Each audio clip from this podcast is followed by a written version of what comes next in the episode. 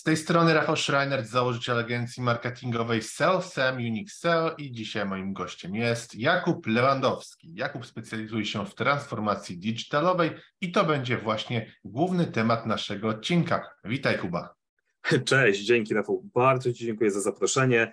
E, no, wydaje się, że taki temat trochę odbiegający od swoich standardowych.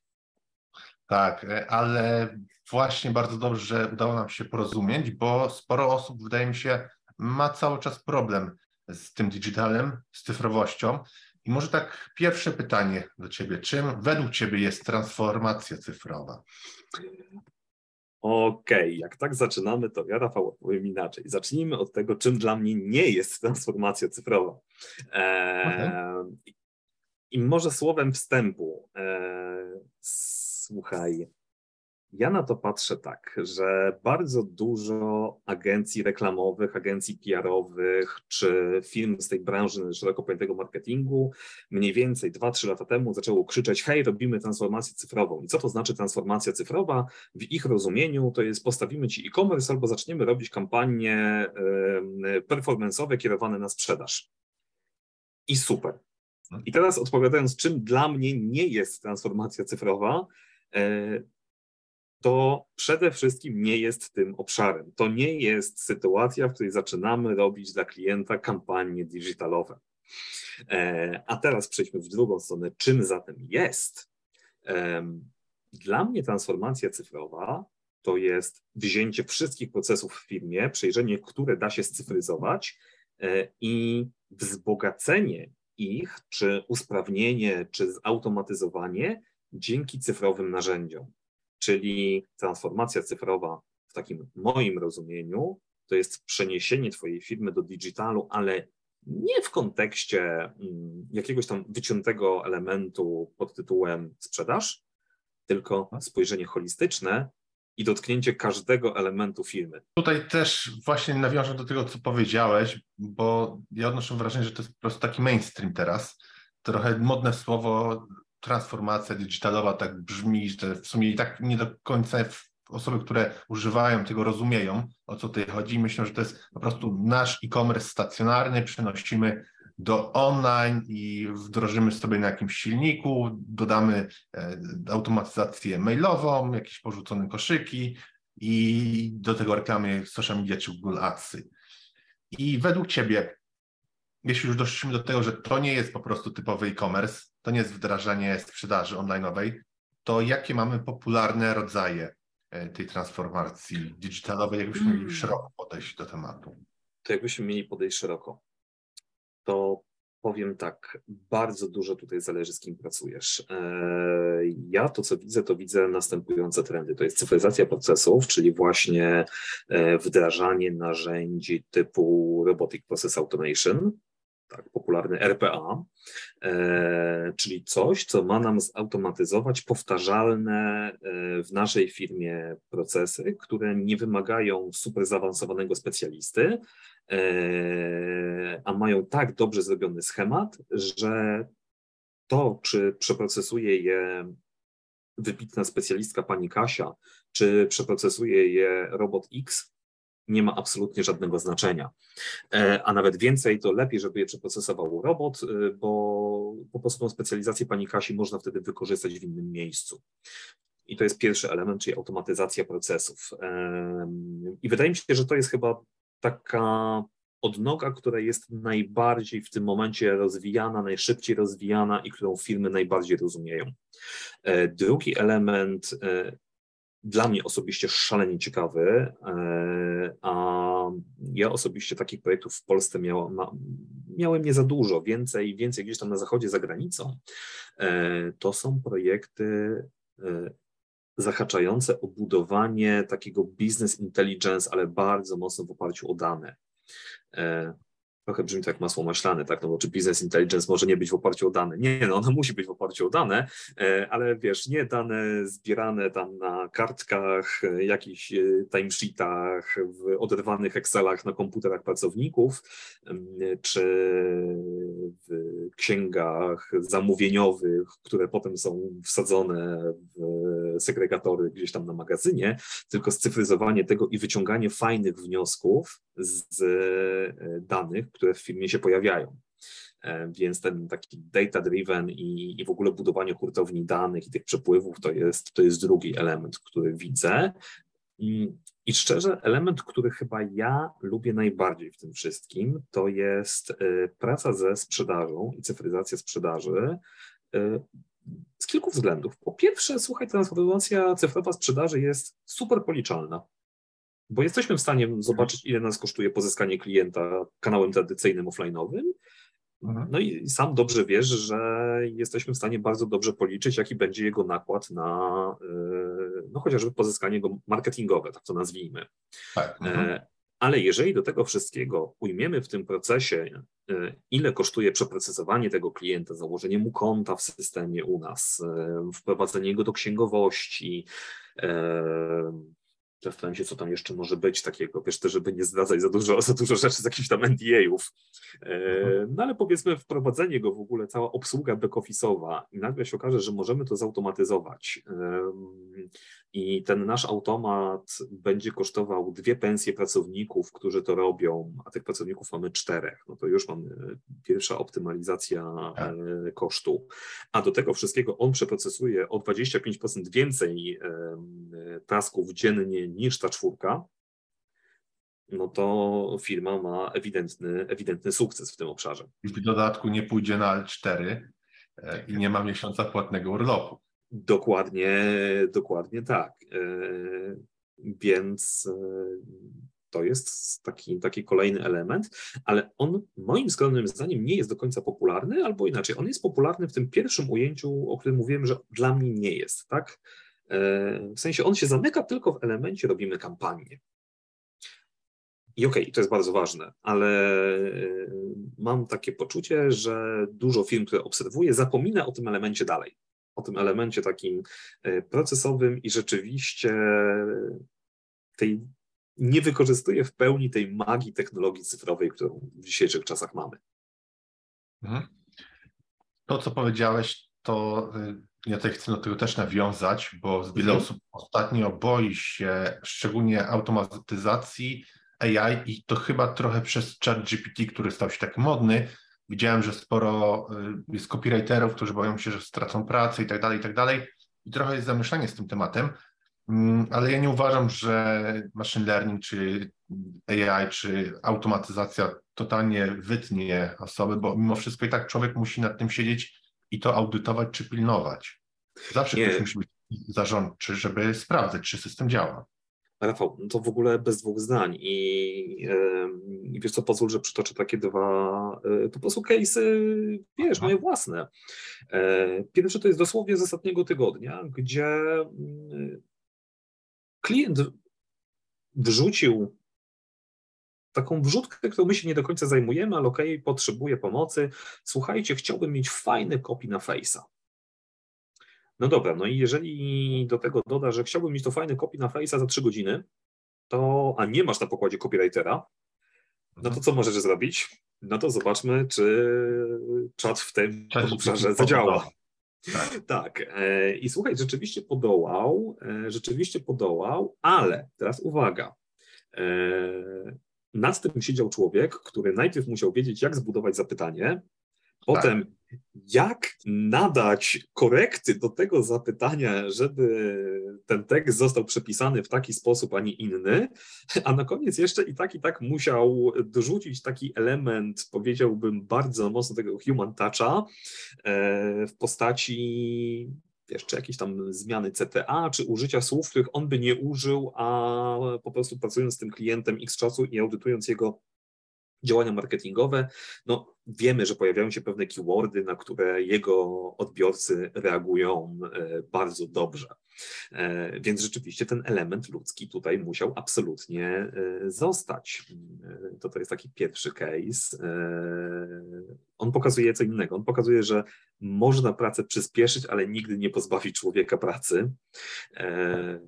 A wiesz co, ten drugi, o którym myślę, to jest, to jest taki case z kolei u jednego z takich moich bardzo, bardzo fajnych, bardzo sympatycznych i dużych klientów, gdzie był koncept zrobienia automatyzacji sieci zamówień. Co to Aha. znaczyło? To znaczyło, że u klienta pracowało x osób, te x było więcej niż, niż 10 e, i one się zajmowało robieniem zamówień półproduktów do wyrabiania tych e, no, produktów, które oferował klient na rynku. Aha. I tutaj z kolei idea machine learningu wchodzi w trochę czy zupełnie wręcz innej formie, bo my tutaj machine learning wprowadziliśmy na następującej zasadzie. No, czy te X pań to jest potrzebne do składania zamówień u tych samych y, ludzi na tym samym wzorze i tak dalej? No, hmm. nie, nie jest. W sensie hmm. można to zautomatyzować. Jak do tego dołożyliśmy hurtownię danych i w sumie bardzo prosty machine learning, który patrzył, czy stoki się kończą mhm. e, i dawał znać zawczasu, to nagle się okazało, że z tych x pań można było zostawić x minus 75%, Aha. bo rzeczywiście była potrzebna osoba, która sprawdzała, czy system się nie pomylił i czy integracja z SAP-em poszła dobrze i czy w SAP-ie finalnie jest wprowadzone to, co być e, powinno.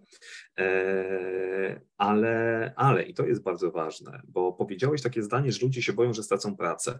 E, wiesz, co finalnie klient zrobił z tymi 75% osób, które zostały, nazwijmy to na razie roboczo dla suspensu, zwolnione z tamtego stanowiska? Przeniósł je. No, może przerzucił do innego działu po prostu. Do zupełnie innego działu, gdzie e, od dawna nie mógł sobie poradzić z nadmiarem pracy.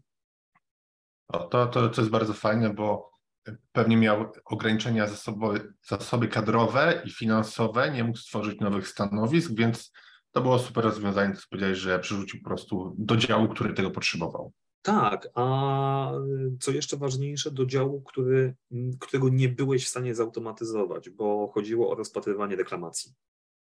Okej, okay, to jak najbardziej.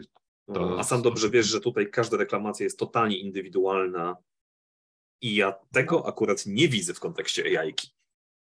Ja również ostatnio nawet rozmawiałem z jednym klientem, który żalił się na to, że do reklamacji dostaje zniszczone produkty, które zniszczył klient. No niestety AI tego już nie oceni. Nie, to, kompletnie. To ocenia człowiek. E, trochę już powiedziałeś tutaj właśnie o tym, jaki wpływ ma transformacja digitalowa na biznes, ale chciałbym Cię dopytać jeszcze bardziej szerzej, powiedzmy, e, ogólnie, bo tutaj rozmawialiśmy tak o, o szczegółach, o typowych case'ach. Mhm. E, gdybyśmy mieli tak, wiesz, definicyjnie rzucić po prostu, co może spowodować to, że, że ktoś tą digitalizację u siebie wdroży, czy transformuje częściowo ten biznes. O rany, co może spowodować? To ja ci powiem, powiem, powiem tak. E, przede wszystkim, co musi się wydarzyć, to ty musisz mieć świadomość, że po prostu możesz to zrobić. Mhm. Brzmi to bardzo prosto i jest tak naprawdę najtrudniejszym elementem mojego biznesu, czyli e, albo kogoś uświadomić, albo trafić na kogoś, kto już ma tą świadomość. E, ale rzeczywiście to, to nie jest coś takiego, że wiesz, w firmie musi się wydarzyć jakaś w ogóle straszna tragedia, Mhm. żeby, żeby ktoś pomyślał, kurczę, może jednak cyfryzacja by tutaj pomogła. Nie, bo jeżeli w firmie się wydarzy straszna tragedia, to z reguły co wchodzi? To wchodzi e, albo postępowanie sanacyjne, e, albo audytorzy, ewentualnie konsultanci z wielkiej czwórki, jeżeli masz odpowiednio zasobny portfel i, e, i oni ci pomagają ten biznes po, poukładać, poustawiać na nowo prawo. Więc to, to, to nie jest coś, co, y, co implikują czynniki zewnętrzne. Co się musi wydarzyć, żebyś ty chciał transformować swoją firmę, to jest tylko i wyłącznie świadomość tego, że praktycznie rzecz biorąc w każdej branży da się to zrobić. Aha. E, I to niezależnie, czy jesteś jednoosobowym biurem księgowym, czy jesteś korporacją produkcyjną zatrudniającą 1500 osób na, e, na hali produkcyjnej, w każdym jednym wypadku zawsze jest jakieś takie mikropole do, do automatyzacji, do cyfryzacji. Mhm. Ale z tego ja bym, wiesz co, wyciągnął drugą rzecz, e, czyli nie tyle, co się musi wydarzyć, tak, bo wiem, że musi wydarzyć świadomość, ale mhm. ty musisz mieć świadomość tego, co ty możesz na tym zyskać. Mhm. No tak, to, to musi być oferta dla mnie, jak na przykład dla właściciela biznesu, która musi się opłacać. Ja muszę wiedzieć, na tym zyskam. Zdecydowanie. I, I, to jest też taki dosyć ciekawy element, e, który ja bardzo dobrze widzę pracując głównie ze Stanami, gdzie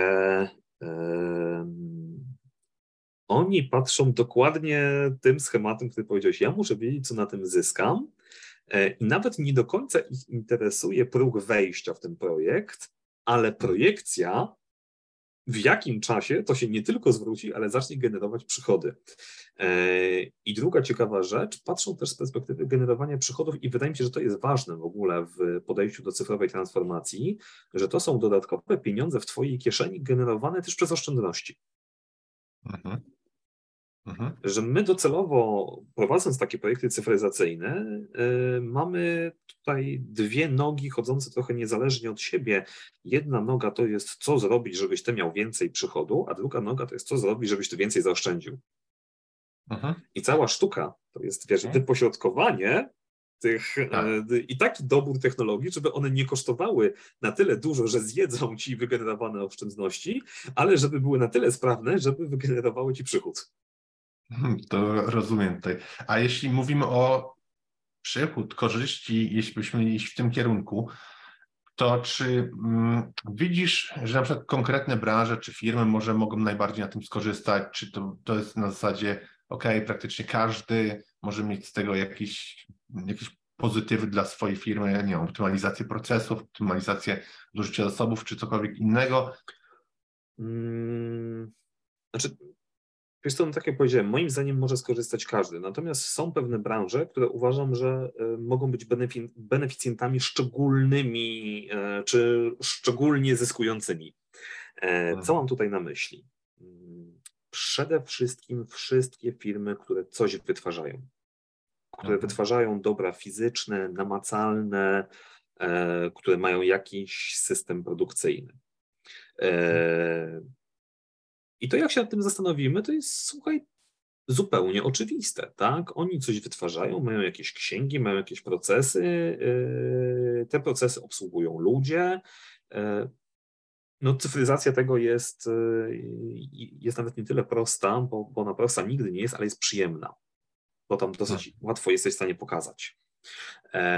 Wydaje mi się, że najwięcej odwagi i najciekawsze po prawdzie to są projekty dla firm niedużych, które e, są bardzo nieoczywiste. Zastanawiam się, co może być takim, wiesz, takim przykładem, ale zaczynając od najprostszego możliwego, właśnie jesteś tym jednoosobowym biurem księgowym, mhm. Masz 5-10 klientów i oni cię co miesiąc zasypują fakturami. I ty te faktury wprowadzasz ręcznie. E, a w sumie bardzo prostym ruchem, jak wprowadzenie systemu OCR, który po prostu sczytuje dokumenty z maila e, i dedykowanych skrzynek mailowych dla każdego klienta, możesz sobie odjąć no, ile godzin pracy miesięcznie? Na pewno dużo. Tak, to wpisywanie ręcznie wszystkich danych to jest naprawdę czasochłonne. Tak, i czasami, nie wiem, są za to, za to, za to, pod to zatrudniani jacyś ludzie do pomocy, yy, a może się okazać, że wystarczy zainwestować tam ze 200 zł miesięcznie czy 250 zł miesięcznie yy, i, chodzić to samo. Yy, no to to, to, to jeżeli chodzi o branżę, e, o branżę to, to, to tak to widzę. Czy są branże jeszcze jakieś, które mogą na tym super korzystać?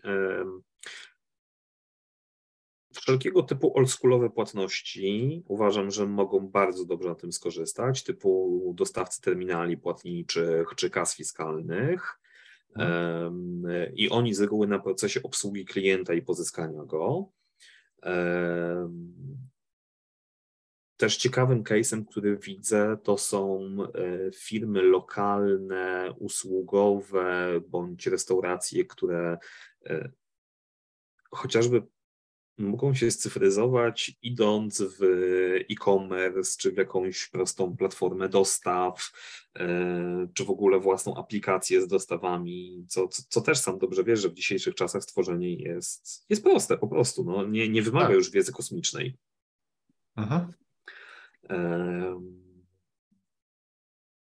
No więc kurczę, powiem Ci, zacząłem się zastanawiać nad jeszcze jedną rzeczą. Czy jest branża, która może nie skorzystać na cyfryzacji?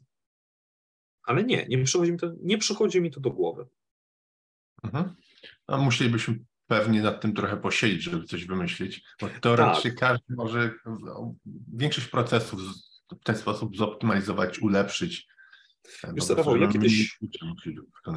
Słuchaj, ja kiedyś miałem taką rozmowę na jakimś, na jakimś networku czy, czy, czy konferencji, gdzie zapytał mnie chłopak, właściciel z kolei firmy graficznej, biura graficznego.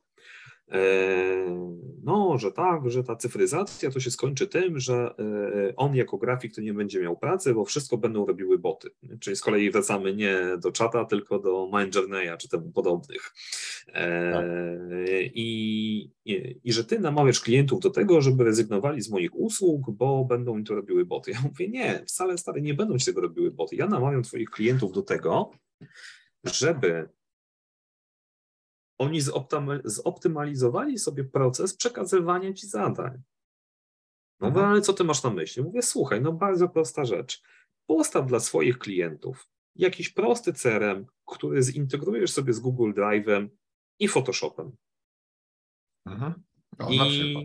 na przykład. I niech każdy klient ma tam swoje miejsce w tym CRM-ie. Do tego miejsca jest przy, przygotowany mail i nie wysyłać materiałów do ciebie, tylko wysyłać te materiały na maila. Albo jak chcesz mieć jeszcze fajniej to ułożone, to postaw dla tego klienta prostą stronę na WordPressie z logowaniem i tam jest formularz, do którego on ci musi wrzucić materiały i nie wystawi ci zlecenia, póki nie uzupełni całego formularza. I teraz zobacz, ty oszczędzasz czas, bo go nie dopytujesz o szczegóły, Aha. Czy nie ma sytuacji, a jeszcze e, pani X zapomniałem o takim, takim i takim materiale, tobie się to zbiera w jednym miejscu e, i ty jesteś w stanie z tego miejsca to od razu przekazać jednym kliknięciem do grafika, który ma to zrobić. E, I teraz na koniec tak, ty oszczędzasz czas swój na tym, że nie bawisz się w proces trafikowania pracy, bo jest on w połowie zautomatyzowany, E, klient ma coś nowego, więc ty się wyróżniasz w jego głowie, bo jesteś w jakimś tam polu e, innowacyjny i Aha. wszyscy, i ty i twoi pracownicy, możecie się skupić na e, możecie się skupić na wykorzystaniu swojej kreatywności w innym celu niż kombinowanie, jak jeszcze ułatwić sobie życie. Mhm. W prywatnej rozmowie, jak rozmawialiśmy na, jednej z platform, wspomniałeś o generowaniu insightów produktowych za pomocą różnych narzędzi analitycznych. Jak u Ciebie taki proces przebiega i co z perspektywy biznesmena, właściciela biznesu on zyskuje znowu? Mhm, okej. Okay. E, to też trochę idziemy do, e, do automatyzacji procesów, tylko tym razem procesów produktowych, no więc jesteśmy w jednym, w jednym lejku e, myślowym. Słuchaj, rzeczywiście, jak, jak Ci o tym pisałem, to miałem w głowie taki projekt, też bardzo, bardzo, bardzo interesujący, który polegał na dopasowywaniu produktu, akurat produktu spożywczego, do aktualnych trendów na rynku. E, I jak się nad tym zastanowisz z perspektywy właściciela agencji reklamowej, to, to się okazuje, że to nie jest totalnie nic poza tym, co wy pewnie robicie u siebie. E, czyli to jest monitoring mediów. Tak. Mhm. Wyszukiwanie pewnych schematów w tym monitoringu mediów. No, można to robić e, na mniejszą skalę analitykiem, na większą skalę po prostu możesz to wpuścić w maszynkę do segmentacji danych. Tak.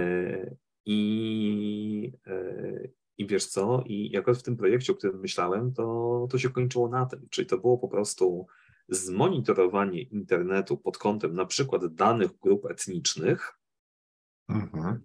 co one lubią jeść, jakby, tak, co one lubią jeść. To, to jest, to akurat obejmował projekt. Następnie mhm. był koncept wzięcia danych z innego źródła, czyli sprawdzenia, jaki jest ich potencjał nabywczy. No i jeżeli wychodziło, że jest powyżej jakiegoś tam poziomu, nie wdając się w szczegóły, jaki to był procentowy, ale no, musiało się to płacać, e, to biuro technologiczne dostawało zlecenie pod tytułem Chcielibyśmy mieć nasz produkt o takim smaku. Mhm. Okay. A potem dział e, zaopatrzenia i dział handlowy dostawał informację, słuchajcie, to jest specjalny smak, który ma być w tym, tym i tym województwie. Okej. Okay. Hmm. I ile czasu mniej więcej e, cały ten proces e, tobie zajął? Domyślam się, że to była jakaś choreka, firma spożywcza e, dosyć spora na pewno, skoro mówimy tutaj o województwach. Tak, tak, tak, tak, tak, tak, tak, tak. wiesz co, ile taki proces, ile taki proces zajął? Zupełnie szczerze, dużo więcej zajęło wymyślenie, jak to umieścić w strukturze mm, tak, tak. E, mhm. i przegadanie ze wszystkimi beneficjentami niż e, samo wdrożenie. E, wiesz co, bo samo wdrożenie to było w okolicy tygodnia. Okej, okay, to dosyć szybko przebiegało. Jeśli chodzi tak. o, o i mieliście kilka źródeł ruchu, które trzeba jakoś zmerdżować, to to okej, okay. powiem, że to był dosyć sprawnie przebiegło. Wiesz co, to było, to było dosyć sprawnie, e, a cała sztuczka polegała na tym, że po prostu te narzędzia są na rynku i wystarczyło tylko i wyłącznie je ze sobą mhm. spiąć e, okay. i potem analityk po stronie klienta musiał określić, w jaki sposób mają się budować te klasy odpowiedzi. Okej, okay, rozumiem teraz, jak, jak to zrobiliście. A w sumie tak, zaczęliśmy rozmawiać o, o szczegółach, a nie powiedzieliśmy mhm. w ogóle, o tym, czym jest cały proces transformacji, bo też każdy może praktycznie to inaczej rozumieć, prawda? Tak, e, i nawet powiem Ci więcej, każdy to inaczej rozumie. To nawet nie jest tak, że każdy może, każdy to Rafał inaczej rozumie. I wiesz, co ci powiem, że nie wiem, jak to, znaczy inaczej, nie wiem, czy moja definicja będzie zgodna dla wszystkich i, i, i będzie czymś, co wszyscy chcą usłyszeć. E, ale dla mnie transformacja cyfrowa to jest ten moment, w którym ty wzbogacasz swoją firmę o procesy digitalowe, które mają ci działać w tym takim totalnie najniższym korowym momencie back-office'u. One oczywiście wyskakują sobie, wiesz, jako takie kwiatki, które rozkwitają na, na tym polu, jak właśnie chociażby dobieranie produktu na podstawie analiz danych. E, tak, tak. Ale w większości to jest po prostu ten taki backbone'owy proces, który chodzi cały czas w tle i bez którego firma po prostu nie będzie żyła. Mhm. Okej. Okay. Mm, a jeśli ktoś by się zainteresował bardziej tematem, o którym dzisiaj rozmawiamy, to czy istnieją jakieś uniwersalne praktyki, bo mm, ja się staram tak, żeby każdy odcinek był powiedzmy o innej tematyce. I z racji tego, że żyjemy teraz w takiej mocno digitalowej erze, cyfryzacji i tak dalej, to wiele branż czy wiele metodologii nie jest do końca opisanych i często jest tak, że one są trochę mm, robione według danej osoby, trochę można powiedzieć, na czuja, czy wynikają z doświadczenia. Na przykład jeden z odcinków miałem e, odnośnie user experience. Nie ma takich sztywnych reguł UX, według których trzeba robić. Wiadomo, są jakieś heurystyki miksenowskie i inne, ale to są takie wytyczne bardziej. I czy tutaj, jeśli chodzi o transformację digitalową, istnieje taki żelazny e, czy standardowy zestaw reguł, które ktoś może z automatu wdrożyć? Kurczę, powiem Ci, że to jest świetne pytanie e, i nie wiem, czy moja odpowiedź będzie tutaj zadowalająca dla Twoich widzów, ale moim skromnym zdaniem e, nie ma. Ja rzeczywiście trafiłem na ludzi, którzy próbują tworzyć jakieś frameworki pod to. E, mhm. Natomiast na koniec dnia to ja musiałem stworzyć swój własny framework dla, dla klientów, tak. E, który by odpowiadał e, tym, co wiesz, oferuje sama firma. E, więc, e, ale, ale myślę o jeszcze jednej rzeczy, wiesz, żeby gdybyś ty chciał zacząć pracę z transformacją cyfrową, czy w tym obszarze, to i w takim moim rozumieniu, to od czego powinieneś zacząć, to przede wszystkim powinieneś popatrzeć, jakie są procesy stricte transformacji biznesowej. E, I, e, i, i, i wręcz e, pisania strategii firmy jako takiej. Mhm. I to jest może ważne. Wiesz, i szkoda, że o tym nie powiedzieliśmy na początku, ale dobrze, że mówimy o tym teraz, bo transformacja cyfrowa to jest nic innego jak biznes. Po prostu. To jest podejście do biznesu. E, I ty musisz rozumieć, gdzie jest core twojego biznesu, jak on działa, gdzie on przebiega, e, czy ja jako konsultant muszę zrozumieć, na czym twój biznes polega, żeby móc w jakikolwiek sensowny sposób ci tą cyfryzację wprowadzić bo jeżeli wejdziemy z procesem cyfryzacyjnym, który będzie totalnie oderwany od tego, co ty robisz, co robi twoja konkurencja, co robi twoja branża, czyli po prostu nie zrobiłeś audytu, nie poznałeś miejsca, gdzie jesteś, tak. kurczę, to, to, to, to, wiesz co, to, to są pieniądze wyrzucone w błoto, zupełnie szczerze, bo to nie mhm. zadziała. Takie jest moje prywatne zdanie. To po prostu no tak. nie zadziała. Każdy jest w innej sytuacji, każdy po prostu potrzebuje czegoś innego domyślam się, że tutaj nie możemy mówić o tym, że wdrażamy po prostu starej fabryki linię produkcyjną i ona według konkretnych zasad może być wdrożona wszędzie i później mamy modyfikacje. No to nawet tutaj ten szkielet, schemat musi być indywidualny. Tutaj nawet ten schemat musi być indywidualny. Yy, jeżeli miałbym wskazać jakąś część wspólną, która yy, w moim odczuciu jest zawsze, to zawsze jest ten audyt to zawsze jest audyt i od tego audytu ja zawsze swoją pracę zaczynam. I to jest audyt Twojej firmy, Twoich procesów, Twojego rynku, Twojej konkurencji. Aha. No, jak najbardziej. E, my praktycznie też zawsze wszystko zaczynamy od audytu, czy to audyt kont reklamowych, mhm. audyt konkurencji, audyt strony pod względem SEO, w zależności po prostu co robimy. Mm, a z racji tego, że tak długo już siedzisz e, w transformacji digitalowej, to jakie trendy przewidujesz na najbliższe lata? To jest dosyć ciekawe. Mm, trendy na najbliższe lata.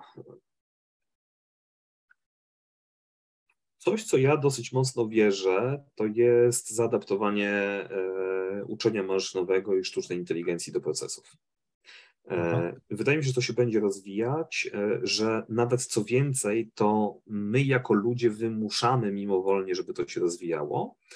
E, to jest, wiesz co, może trochę powiązane z taką teorią, której się trzymam od wielu, wielu lat, ale ja wychodzę z założenia, że po pierwsze sztuczna inteligencja powstanie w JavaScriptie, a po drugie będzie zasilana Excelem, bo słuchaj, no, my generujemy jako, jako ludzie tak dużo danych, że no. nawet e, przetwarzanie ich po prostu w pewnym momencie będzie niemożliwe bez jakiegokolwiek wsparcia automatycznego. Aha. Mm, I wierzę w to, że ta e, ai rozwinie się na tyle, a, a nawet powiem Ci nie tyle, że wierzę, co, co wiem, że tak się wydarzy, bo, bo patrzę w jakim tempie ona się rozwija się z roku na rok, bez z miesiąca na miesiąc. I, i że ta automatyzacja procesów będzie jeszcze dokładniejsza, jeszcze lepsza jeszcze ciekawsza. Mhm. To, to jest pierwszy trend. E, drugi trend, e, trochę nie wierzę, i to będąc absolutnie szczerym, trochę nie wierzę w e, dalszy tak dynamiczny rozwój e-commerce'u, trochę mhm. wychodząc z założenia, że sytuacja na świecie no jednak trochę nam poturbowała plany. Mhm. I, I po prostu spada siła nabywcza. Więc, Tutaj więc wydaje do tego, co mówisz, odniosą się, bo ostatnio widziałem sporo case'ów, że dużo sklepów się zamyka, albo po prostu ktoś inny je z, y, odkupuje. Nawet widziałem podcast, y, mm, nie pamiętam nazwy tego kanału, ale osoby prowadziły swój e-commerce i dodatkowo miały taki podcast marketingowy i po kilku latach też stwierdziły, że E, ten sklep po prostu zamykają, jest przesyt na rynku, jest za dużo sklepów. E, obecnie koszty marketingu są dla nich zbyt wysokie. Mówimy tutaj też oprócz obsługi, wiadomo, no ktoś, na tym, ktoś to musi obsługiwać, tak jak księgowo obsługuje. Oczywiście. Księgowo, ktoś musi marketing obsługiwać, tak jak na przykład my jesteśmy agencją i to obsługujemy, ale same koszty typu kliknięcia Google Adsy i marże niestety pospadały im na produktach strasznie. i coraz częściej widzę właśnie to, że dużo sklepów naprawdę się zamyka.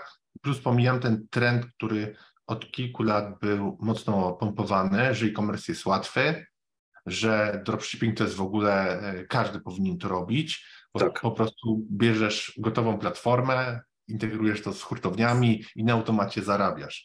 Mm, a to, jak dobrze wiemy, tak nie działa i nikt praktycznie z nas nie kupuje, że widzi pierwszy raz reklamę jakiejś firmy, której w ogóle nie zna i już nie idziemy kupować. Reklamę tak. musimy ileś tam 10 razy zobaczyć, musimy zobaczyć fajny content z tej firmy, i zanim zdecydujemy się kupić, to i tak musimy ileś tam raz na tą stronę powchodzić. To prawda, to prawda, ale wiesz co, idąc za ciosem, ja bym tutaj powiedział, że e, tak, żeby nie zostawać taką goryczą, e, to moim zdaniem akurat kolejnym trendem będzie przejście w kierunku marketplace'ów i to wcale nie przejście pojedynczych sklepów, które mhm. już mają swój e-commerce i sobie gdzieś tam z tymi marketplace'ami zaczynają dealować, ale moim zdaniem to producenci będą coraz częściej przychodzić do marketplace'ów, bądź ich dystrybutorzy, jeżeli nie, producent nie jest w kraju. E, I słuchaj, i, i, w ogóle zapytań o tego typu projekt, e, no to ja w ostatnim, w tym miesiącu miałem chyba ze trzy. Aha. Tak? Czyli czy czyli, możesz... Czyli żeby firmy przeszły po prostu na marketplace'y, znaczy żeby... przeszły, dodatkowo uruchomiły sprzedaż tam. E, tak, albo e, wręcz w całości się tam przyniosły, to jest uważam trochę riski i e, no, to jest, to jest, to jest, to jest ryzykowne. No tak, tu, tutaj ja bym też nie 100%, żeby przerzucać wszystko, bo wiadomo, i tak marketplace ma swoje dodatkowe marsze i też na przykład y, nie zawsze będzie nam się opłacało u nich sprzedawać. Zawsze tak, trzeba ale wiesz co, Rafał, kanały ruchu. Ta, to na pewno. E, poza tym, wiesz, no marketplace zmienia politykę i się wycina od tak. Tak, Natomiast... mogą, mogą komuś zamknąć konto z dnia na dzień. To, to Dokładnie. nie jest problem, żeby zbanowali jakiegoś sprzedawca. Natomiast dla producentów, dla producentów te koszty marketplace'u są nieporównywalnie niższe, nawet bez negocjacji najbardziej wyśrubowane, są nieporównywalnie niższe niż koszt sprzedaży przez dystrybutora. Mhm, mhm. Okej. Okay wiesz, no wyobraź sobie, że produkujesz jakiś tam napój owocowy tak. e, i jesteś na tyle duży, że sprzedajesz go w popularnych kilku sieciach supermarketów w całej Polsce. Aha, aha.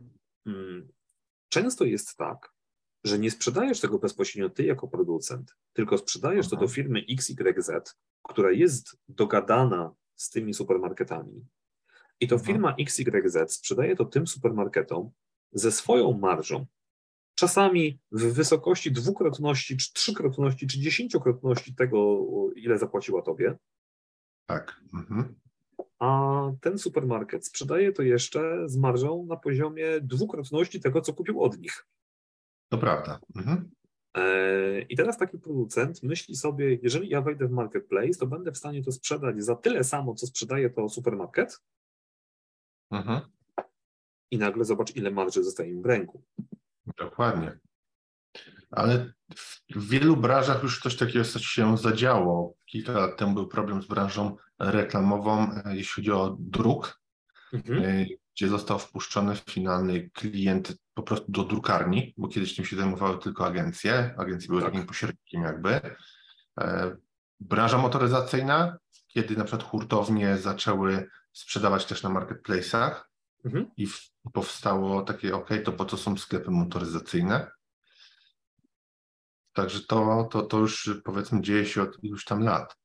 Mm, mam do Ciebie jeszcze jedno pytanie. Co dzieje? To, to, to żebyśmy doprecyzowali, e, moim, tak wracając do tych, do tych trendów, to moim zdaniem spożywka dopiero to odkryła, wiesz? I, e, i wydaje mi się, że spożywka będzie tutaj bardzo mocno w tym kierunku szła.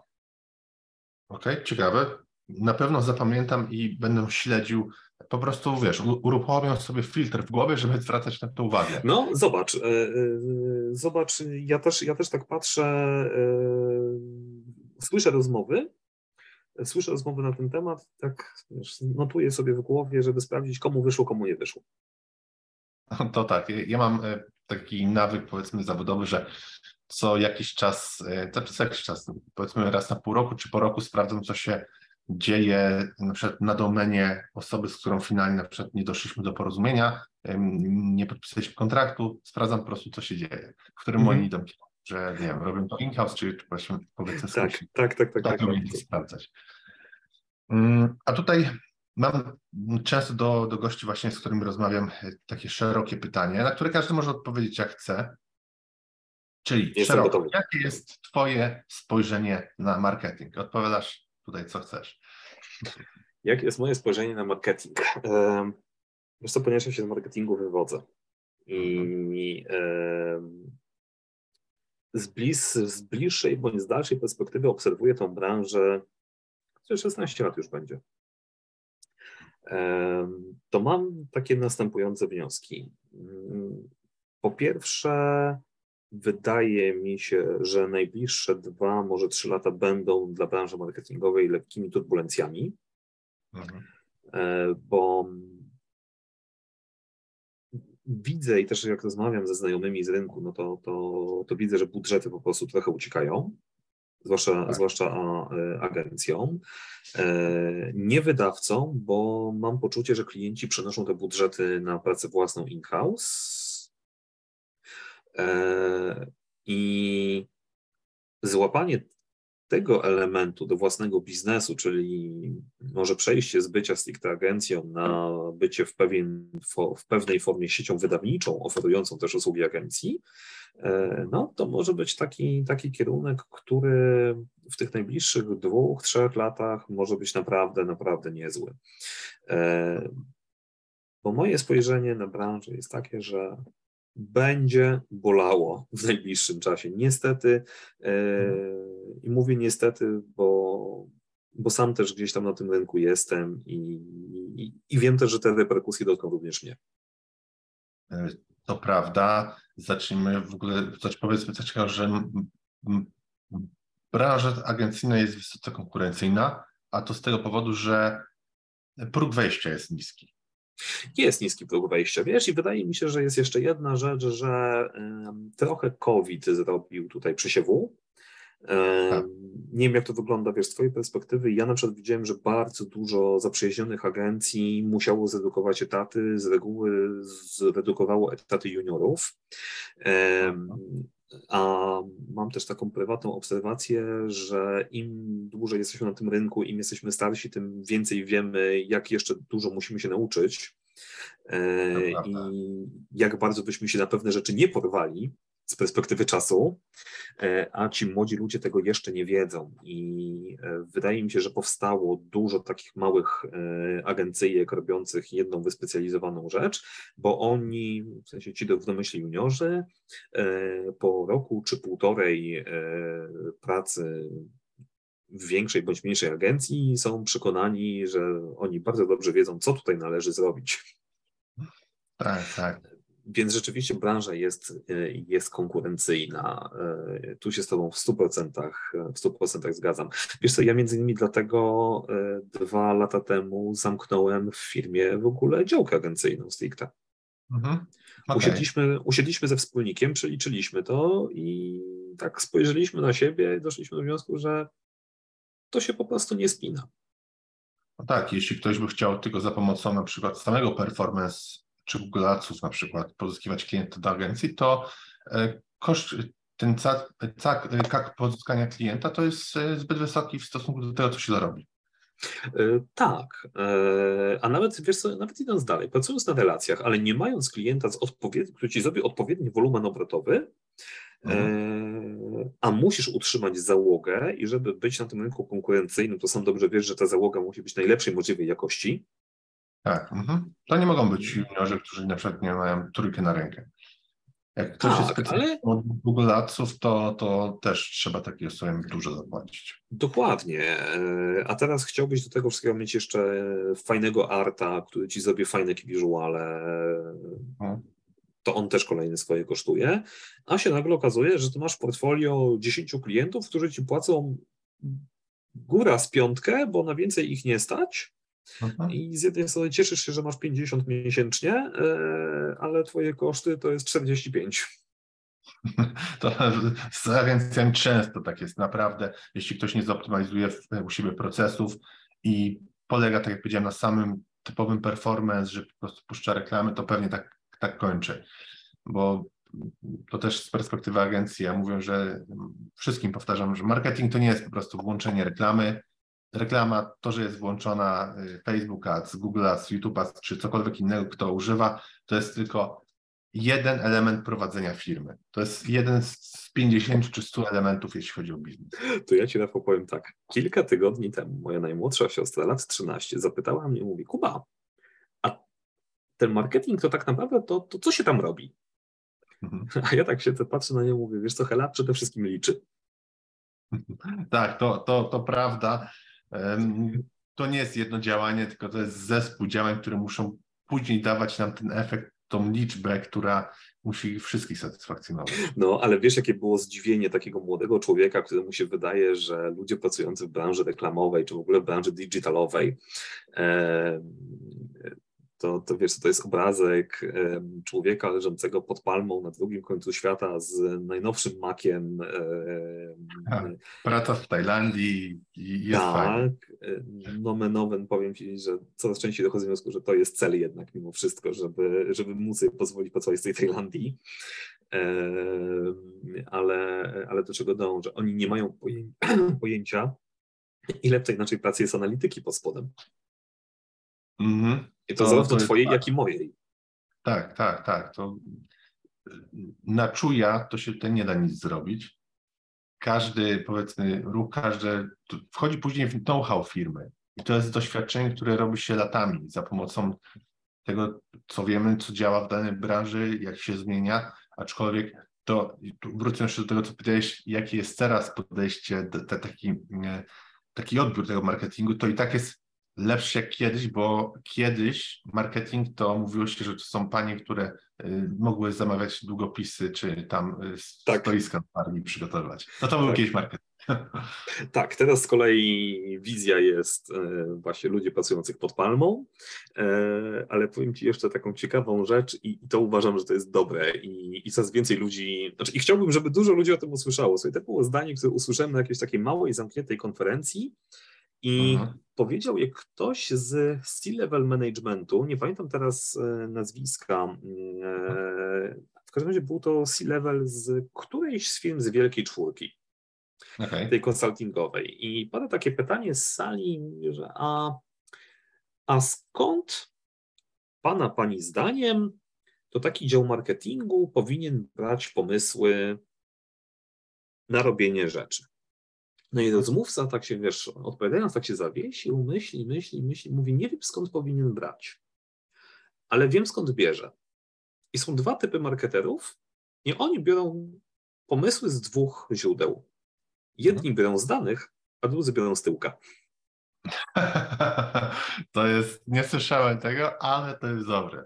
To jest, to jest dobre. Czyli typowe wymyślanie i nawijanie makaronu na uszy. I którym wychodzi, i z reguły wychodzi tym pierwszym, którzy biorą pomysły z badań. Tak, to z tym zawsze się zgadzam. Trzeba po prostu nieraz dłużej nad tym posiedzieć, tylko nie wszystkim chce się porobić X, Y, Z, liczbę testów AB, bo wiem, że to też jest dodatkowa praca. Oczywiście, że tak. Oczywiście, że tak. No, więc masz chyba moje spojrzenie na marketing. E, znaczy, bardzo mocno trzymam kciuki, że, żeby te turbulencje nie były tak, jak mi się wydaje, że będą. E, I może, właściwie wiesz co, może e, tłumaczenie klientom, że lepiej jest poświęcić trochę więcej czasu, ale to przebadać, w rezultacie wydać pieniądze mądrzej, bo jeżeli wydamy pieniądze mądrzej, to klient więcej zarobi, tym samym my będziemy mieli stabilną pracę, to może to jest sukces do tego, żeby, żeby ten rok był dobry. Jeśli raz coś znaleźliśmy i działa, to nie jest przecież powiedziane, że nie znajdziemy lepszej opcji, która. O, dokładnie. Super powiedziane. Tak, a wiele osób się tak fiksuje, ok, działa, to zostawmy to. Tak. I boją się na przykład z tego działającego modelu odjąć 20% budżetu, żeby przerzucić na e, RD czy na jakiś test. Mhm, dokładnie. A zobacz, że powinno się przecież planować działania tak, że zawsze 10% idzie na przetestowanie czegoś nowego. Tak, ja też jestem zdania. 10-20%, żeby zawsze gdzieś tam szło na backendzie, żeby tam sobie to testować. Do tego nie przywiązywać zbytniej uwagi. bo mhm. wcześniej czy później i tak się znajdzie lepsze rozwiązanie, które zastąpi obecne i z tego to też musimy z powrotem odjąć 10-20 i to, to się nigdy nie kończy. Dokładnie, ale to, to, jest, to jest taki proces, który ja bardzo lubię i wiesz co, i on w cyfryzacji też ma zastosowanie, bo dla mnie to też jest proces. Mhm. Że okej, okay, zobaczmy co działa, potestujmy, potem wrzućmy więcej budżetu w to, co zaczęło działać, czy na testach wyszło, że działa dobrze, a przy okazji testujmy dalej w tle. I finalnie dochodzimy do momentu, gdzie, gdzie kurczę, możemy spojrzeć na ten cały nasz projekt i powiedzieć, to jest dobre. Tak, tak. To ja życzę każdemu, kto tutaj nas dzisiaj ogląda czy słucha, żeby doszedł też do takiego momentu, że będzie mógł coś takiego powiedzieć. E, ja też, e, bo wiem, jak to jest fajne uczucie po prostu dla samego siebie, gdzie patrzysz na ten swój projekt i mówisz, kurczę, udało się. I to tak na takim, powiedzmy, może nie na automacie, ale na półautomacie działa. A, to już jest wtedy w ogóle najlepiej. tak. Kuba, dziękuję Tobie za rozmowę. E, czy chciałbyś tutaj jeszcze coś od siebie dodać? Wiesz co, przede wszystkim to chyba ja bardziej powinienem podziękować, e, podziękować Tobie, bo ruszyliśmy bardzo dużo fajnych kwestii, tak mi się wydaje.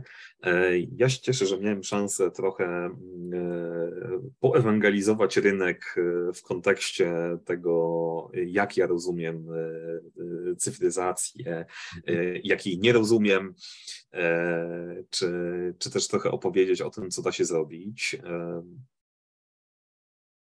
A wiesz co? Chyba takiego żadnego górnolotnego e, advisory ładnego na koniec to nie mam.